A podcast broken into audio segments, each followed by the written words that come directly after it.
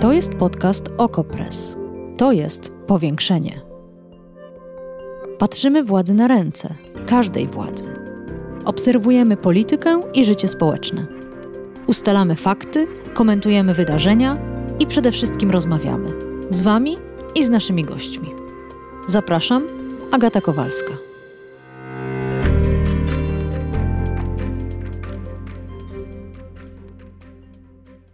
Przy mikrofonie rzeczywiście Agata Kowalska, ale gdzieś tu obok mnie, wirtualnie, pani Justyna, słuchaczka powiększenia, której pomysł na temat dla powiększenia dzisiaj zrealizujemy.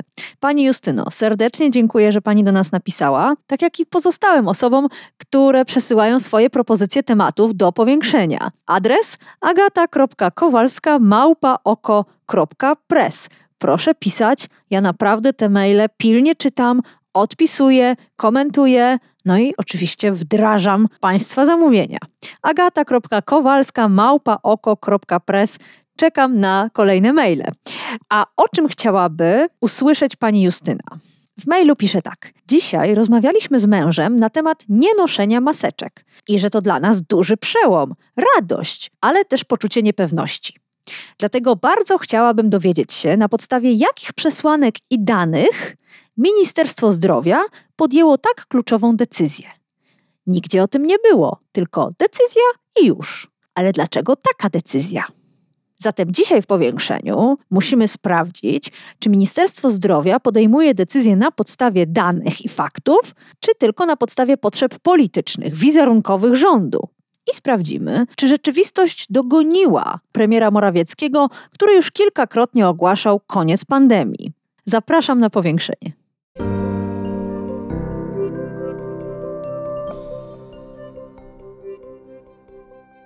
A naszym gościem jest ponownie Miłada Jędrysik, dziennikarka Okopres zajmująca się m.in. tematyką zdrowotną. Dzień dobry. Dzień dobry. To zacznijmy od tego, do jakich zmian doszło, bo zniesienie nakazu noszenia maseczek w pomieszczeniach publicznych czy w autobusach to jest tylko jeden z elementów, które postanowił wprowadzić rząd. Kilka sobie wypisałam, ale na pewno coś ominęłam. Nie ma już nakazu izolacji gdy podejrzewamy, że się mogliśmy zarazić, mieliśmy kontakt z kimś chorym. Nie ma nakazu kwarantanny, gdy wiemy już na pewno, że jesteśmy chorzy. Pozamykano punkty bezpłatnie testujące w kierunku koronawirusa. Zlikwidowano dodatki dla placówek medycznych za leczenie chorych na COVID. Coś przeoczyłam? No, także w momencie, kiedy idziesz do szpitala, nie będą ci robić testu, chyba że no, z ewidentnymi objawami covid do tego szpitala idziesz. Tak samo nie trzeba będzie, jeżeli się wybierasz do sanatorium, robić przedtem testu. To zastanówmy się dlaczego. Czyli dokładnie nawiązałabym do pytania pani Justyny, na podstawie jakich przesłanek i danych ministerstwo postanowiło odwołać pandemię. Jakie są do tego podstawy i czy może słuszne? W tej chwili jesteśmy na takiej krzywej opadającej, to znaczy y, ta szósta fala, którą wywołał wariant Omikron, bardzo zaraźliwy, ale okazało się, że jednak nie taki zjadliwy i nie taki groźny dla nas w Polsce on już się kończy, tak? Ta fala się kończy, y, opada bardzo ładnie. Na szczęście pojawienie się tak dużej ilości osób z Ukrainy, które podróżowały w złych warunkach, przebywały też w jakichś takich dużych skupiskach. Do tego jeszcze Ukraina jest krajem mniej zaszczepionym niż Polska, więc no, była zasadna obawa, że to może spowodować jakiś kolejny wzrost zakażeń, ale nie spowodowało. Ale skąd to, no momencik, więc... ale skąd to wiemy, skoro nie testujemy się masowo, bo pozamykano te punkty bezpłatne a nie, no, ale punkty za dopiero od 1 kwietnia zamknięto. Czyli była szansa, Także... żeby wychwycić tę ewentualną nadwy- y, tak, zmianę. Ponad mhm. miesiąc, tak. Ponad miesiąc była na to szansa. No więc wszystko wskazuje na to, że, że, że ta fala opada, y, bo trzeba pamiętać, że, na, y, że, że w Ukrainie, mimo że tam ten odsetek zaszczepionych jest niższy, ale oni no też w związku z tym oczywiście przechodzili bardzo ciężko tą falę delty, tak, na mm, zimową, bardziej nawet ciężej niż, ciężej niż Polska. W związku z tym można zakładać, że u nich ten poziom odporności jest w tej chwili y, u uchodźców, uchodźczyń z Ukrainy jest w tej chwili mm, bardzo wysoki. No i to prawdopodobnie powoduje, że, obserwujemy teraz taki, taki czysty spadek. No co jest ważne, no jesteśmy już w kwietniu, a te dwa lata pandemii pokazały, że, że, że koronawirus jest jednak tak na 99 99,99% y, wirusem sezonowym, czyli prawdopodobnie trzeba się będzie zacząć martwić jak w zeszłym roku przed, y, przed wrześniem. Jedna rzecz to może mniej środków kierować na walkę z tą pandemią, a druga odwoływać nakaz noszenia maseczek w miejscach, gdzie jest nas y, bardzo wiele. Czy słusznie rząd zrezygnował z tego? Bo jeśli się przejść po, nie wiem, galeriach handlowych, wsiąść do autobusu, no to widać, że Polacy skorzystali z tej możliwości i maseczki pozdejmowali. Słusznie? Znaczy, ja nawet jestem y, zdziwiona tym, że jeszcze tak dużo osób nosi te maseczki przynajmniej tutaj w Warszawie i w okolicach, widzę i w sklepach, i w komunikacji publicznej. Znaczy, bo my tutaj nie jesteśmy żadnym wyjątkiem, tak, no wiele krajów europejskich to zrobiło i no, byłam w Holandii nawet je, je, w marcu i tam już te maseczki nie były obowiązkowe, a jest to kraj, który poważniej podchodził do, pan, znaczy tak bardziej rygorystycznie podchodził do pandemii wcześniej, tak, miał duży lockdown jeszcze, jeszcze podczas fali delty. To jakbyś radziła nosić tę maseczkę mimo braku nakazu, czy rzeczywiście już sobie z niej zrezygnował? No, myślę, że każdy powinien to sobie jakby, y, jeżeli czuje się bezpiecznie i, i, nosząc maseczkę, to niech nosi. Na pewno y, osoby, ale one też to dobrze wiedzą, tak? No, osoby, które mają obniżoną odporność, powinny uważać y, nadal. I no, fajnie by było, gdyby się przyjął u nas taki zwyczaj, jaki jest w Azji praktycznie całej. Hmm. To znaczy, jeśli ktoś jest, ma, ma infekcję górnych dróg oddechowych, to po prostu jeśli musi wyjść z domu, no to wychodzi w maseczce, żeby tak. nie zarazić. Kaszlesz, kichasz, załóż maseczkę tak, dla dobra innych. Mhm. Chociaż z drugiej strony powiem Ci, że musiałam kiedyś podróżować właśnie w silnym przeziębieniu i założyłam taką maseczkę właśnie N95, żeby ona już była bardzo skuteczna i to jednak kiedy człowiek kaszle, kicha, a ma taki ograniczony dostęp do powietrza, jest to koszmar. Trzeba było zostać w domu, w łóżku. Tak, najlepszą złotą zasadą by było jednak przeleżeć tak. Y, w domu każde przeziębienie i inną infekcję dróg mm. oddechowych. Zmartwiła mnie jednak ta informacja o tym, że te testy bezpłatne przestaną być dostępne. Mam wrażenie, że stracimy nie tylko takie poczucie bezpieczeństwa, że państwo czuwa, ale też, że stracimy bazę danych na temat sytuacji epidemicznej nasza baza danych, ona zawsze była ułomna, no bo przecież myśmy, myśmy robili właściwie od jesieni 2020 roku, robiliśmy mało testów i nie próbowaliśmy tego robić w taki sposób, jak robią bogatsze państwa, czy też państwa, którym bardziej zależało na polityce takiej zero COVID, eliminacji wirusa i wygaszania ognisk, więc u nas to zawsze y, realna liczba zakażeń to była duża wielokrotność tego, co się naprawdę wykrywało, zwłaszcza w falach, to ten współczynnik rósł. Tak, tak ale pamiętam y, sama, jak tak radziłaś i bazowałaś na też wyliczeniach ekspertów, że musimy po prostu użyć mnożnika i wtedy będziemy mieć konkretną informację na temat liczby tak. realnej zakażeń, ale teraz nie będziemy mieć nawet tej małej dawki danych. To znaczy, te nowe wytyczne, one zakładają, że będzie się można badać u lekarza pierwszego kontaktu. Ja jeszcze nie wiem, jak to funkcjonuje, bo pomysł jest taki, żeby, żeby tam po prostu robiono takie szybkie testy antygenowe przychodzi ktoś, który, kto ma objawy takie, które wskazują na COVID, to wtedy, to wtedy zrobi mu się ten test. Ja nie wiem w tej chwili, czy, czy te testy są w przychodniach, czy, czy to działa. Znaczy w mojej przychodni akurat są. No jesteśmy w takim okresie przejściowym, jak znam życie Polska i polski system ochrony zdrowia, jak to działa, komunikacja z ministerstwem, to podejrzewam, że to jeszcze wszystko się tam jakoś kiełbasi i kitłasi. Ta, ale tutaj jest inny problem. Znaczy, my, my to będziemy wiedzieć, bo ja zawsze mówiłam, że, że liczba zakażeń to, to, nie są twarde dane. Twarde hmm. dane to jest to, ile na przykład osób trafi do szpitala z COVID-em. Jeżeli y, ktoś trafi do szpitala z podejrzeniem COVID-u, to tam mu już zrobią test, test PCR. Tak te nowe założenia wyglądają.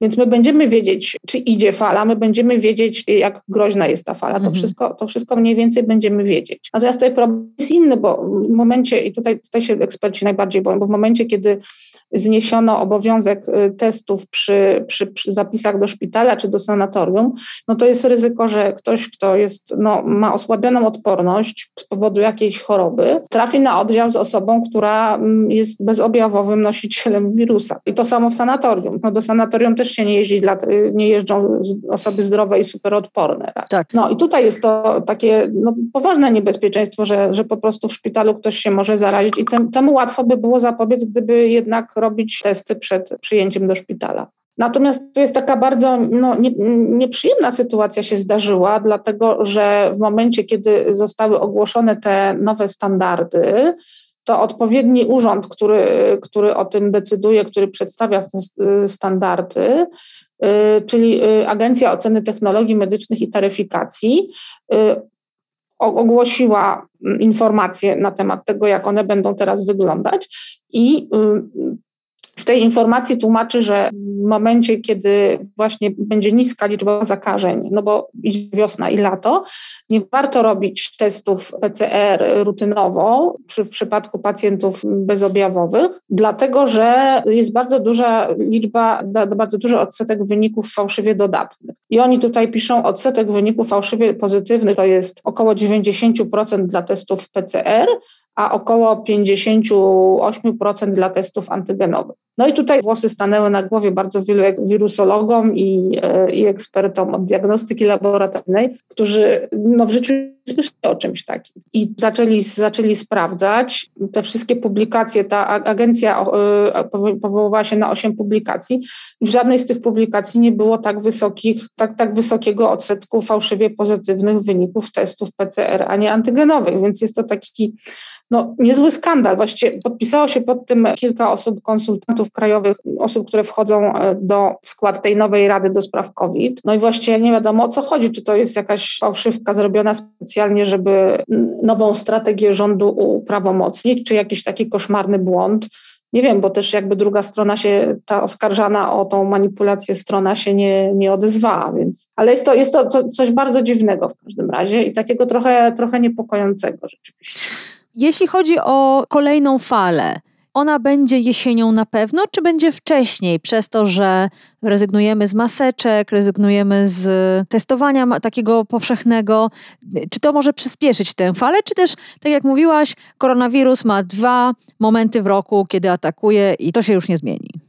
Słuchaj, no do tej pory tak miał w naszej części świata i ja też ani nie jestem wróżką, ani nie jestem. Yy z wykształcenia i z zawodu e, ekspertką e, wirusolożką, ale no tak mówią wszyscy, raczej tak wszyscy eksperci uważają, tak? Znaczy inaczej, e, naukowiec ci zawsze powie, jest to najbardziej prawdopodobna hipoteza, prawda? Może się zdarzyć nie wiadomo coś tam, jakaś zupełnie dziki, dziki wariant, który będzie zupełnie zupełnie odporny na, e, nasze, na naszą barierę immunologiczną naszego organizmu.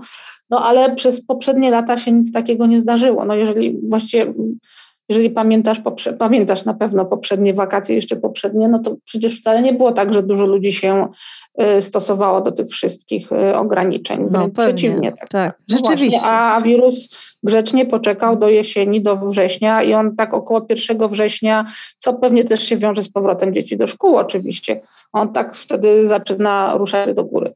Z tym, że znowu nie wiadomo, co będzie, co będzie tego 1 września, tak? Czy to będzie fala duża, czy to będzie fala już taka, to będzie fala coraz mniejsza, coraz mniejsza. No, wszystkie epidemie kiedyś się kończą, wszystkie pandemie, i, a kończą się one dlatego, że no, zaraża się praktycznie całe, cała populacja kraju danego się zaraża i zdobywa coraz większą, poprzez te kolejne zarażenia, zdobywa coraz większą odporność tak. na patogen. Plus u nas jeszcze tutaj jest taki czynnik pomagający, na, przyspieszający jakby ten proces, czyli szczepienia. Tak? No bo teraz no, bardzo dużo ludzi w naszym w naszym otoczeniu choruje i oni już jakby okej, okay, masz COVID, dobra, no to posiedź sobie w domu ten tydzień. Nie boimy się o nich, prawda, bo już ta choroba przestała być tak groźna.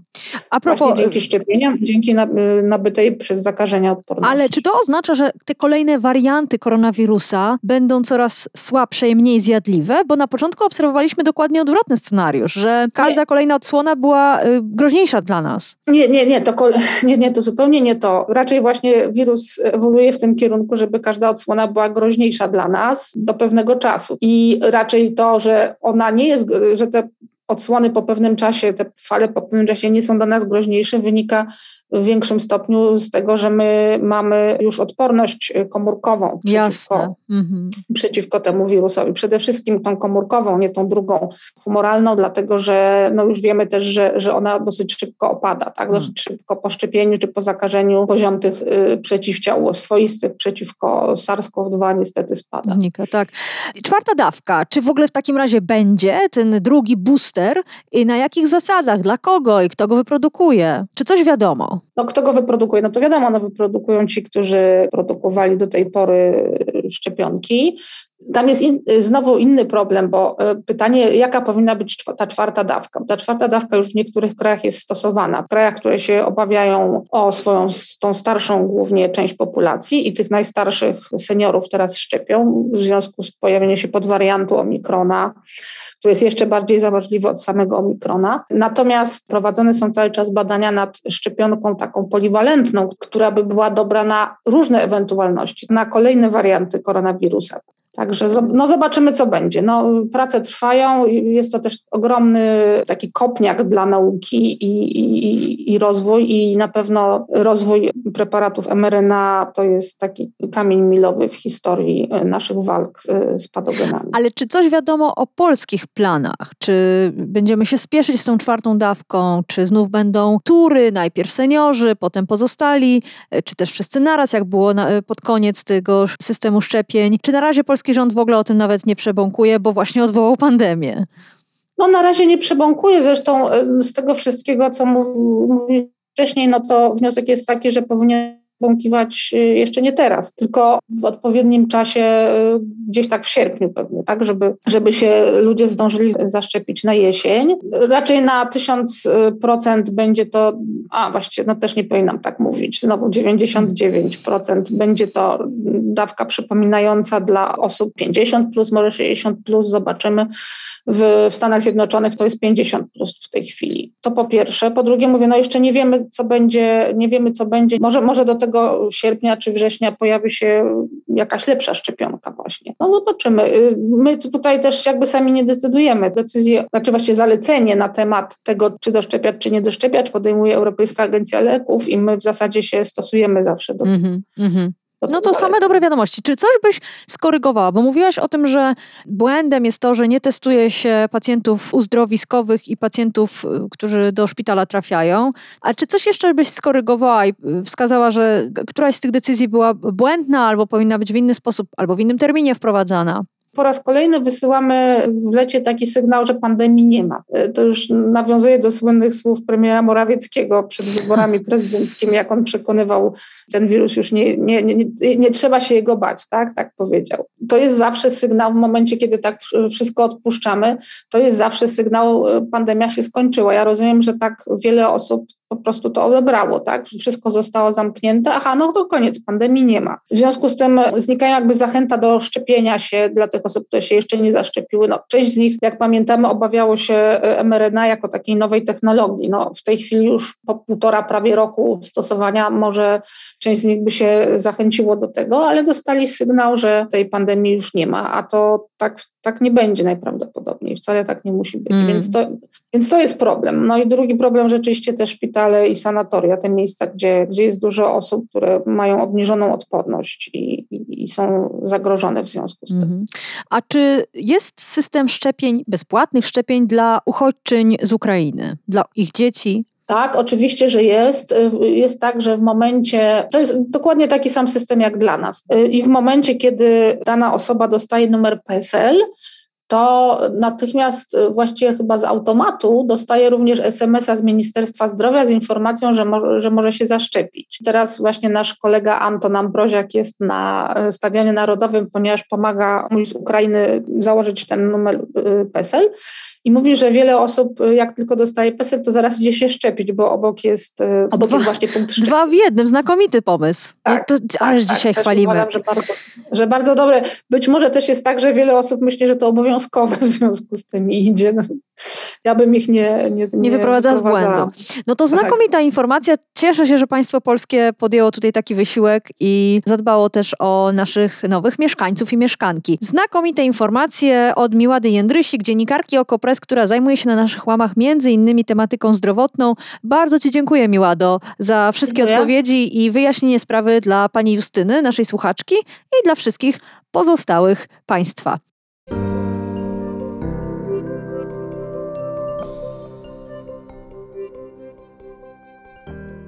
Ten odcinek powiększenia wymyśliła pani Justyna, nasza słuchaczka. Jeszcze raz bardzo pani dziękuję i za pomysł, i za maila.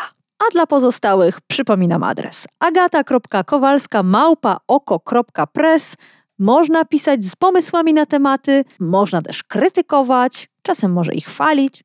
A jeśli uważasz, że to, co robimy, ma wartość, to możesz nas wesprzeć, choćby przekazując 1% swojego podatku na Fundację Okopres. Nasz numer KRS znajdziesz oczywiście na stronie oko.press. To dzięki Waszym wpłatom możemy pisać, nagrywać i pozostawać medium całkowicie niezależnym. Dziękujemy i do usłyszenia w kolejnym odcinku podcastu Powiększenie.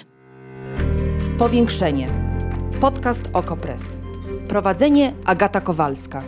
Podcast znajdziesz na stronie OkoPress i w Twojej ulubionej aplikacji do podcastów.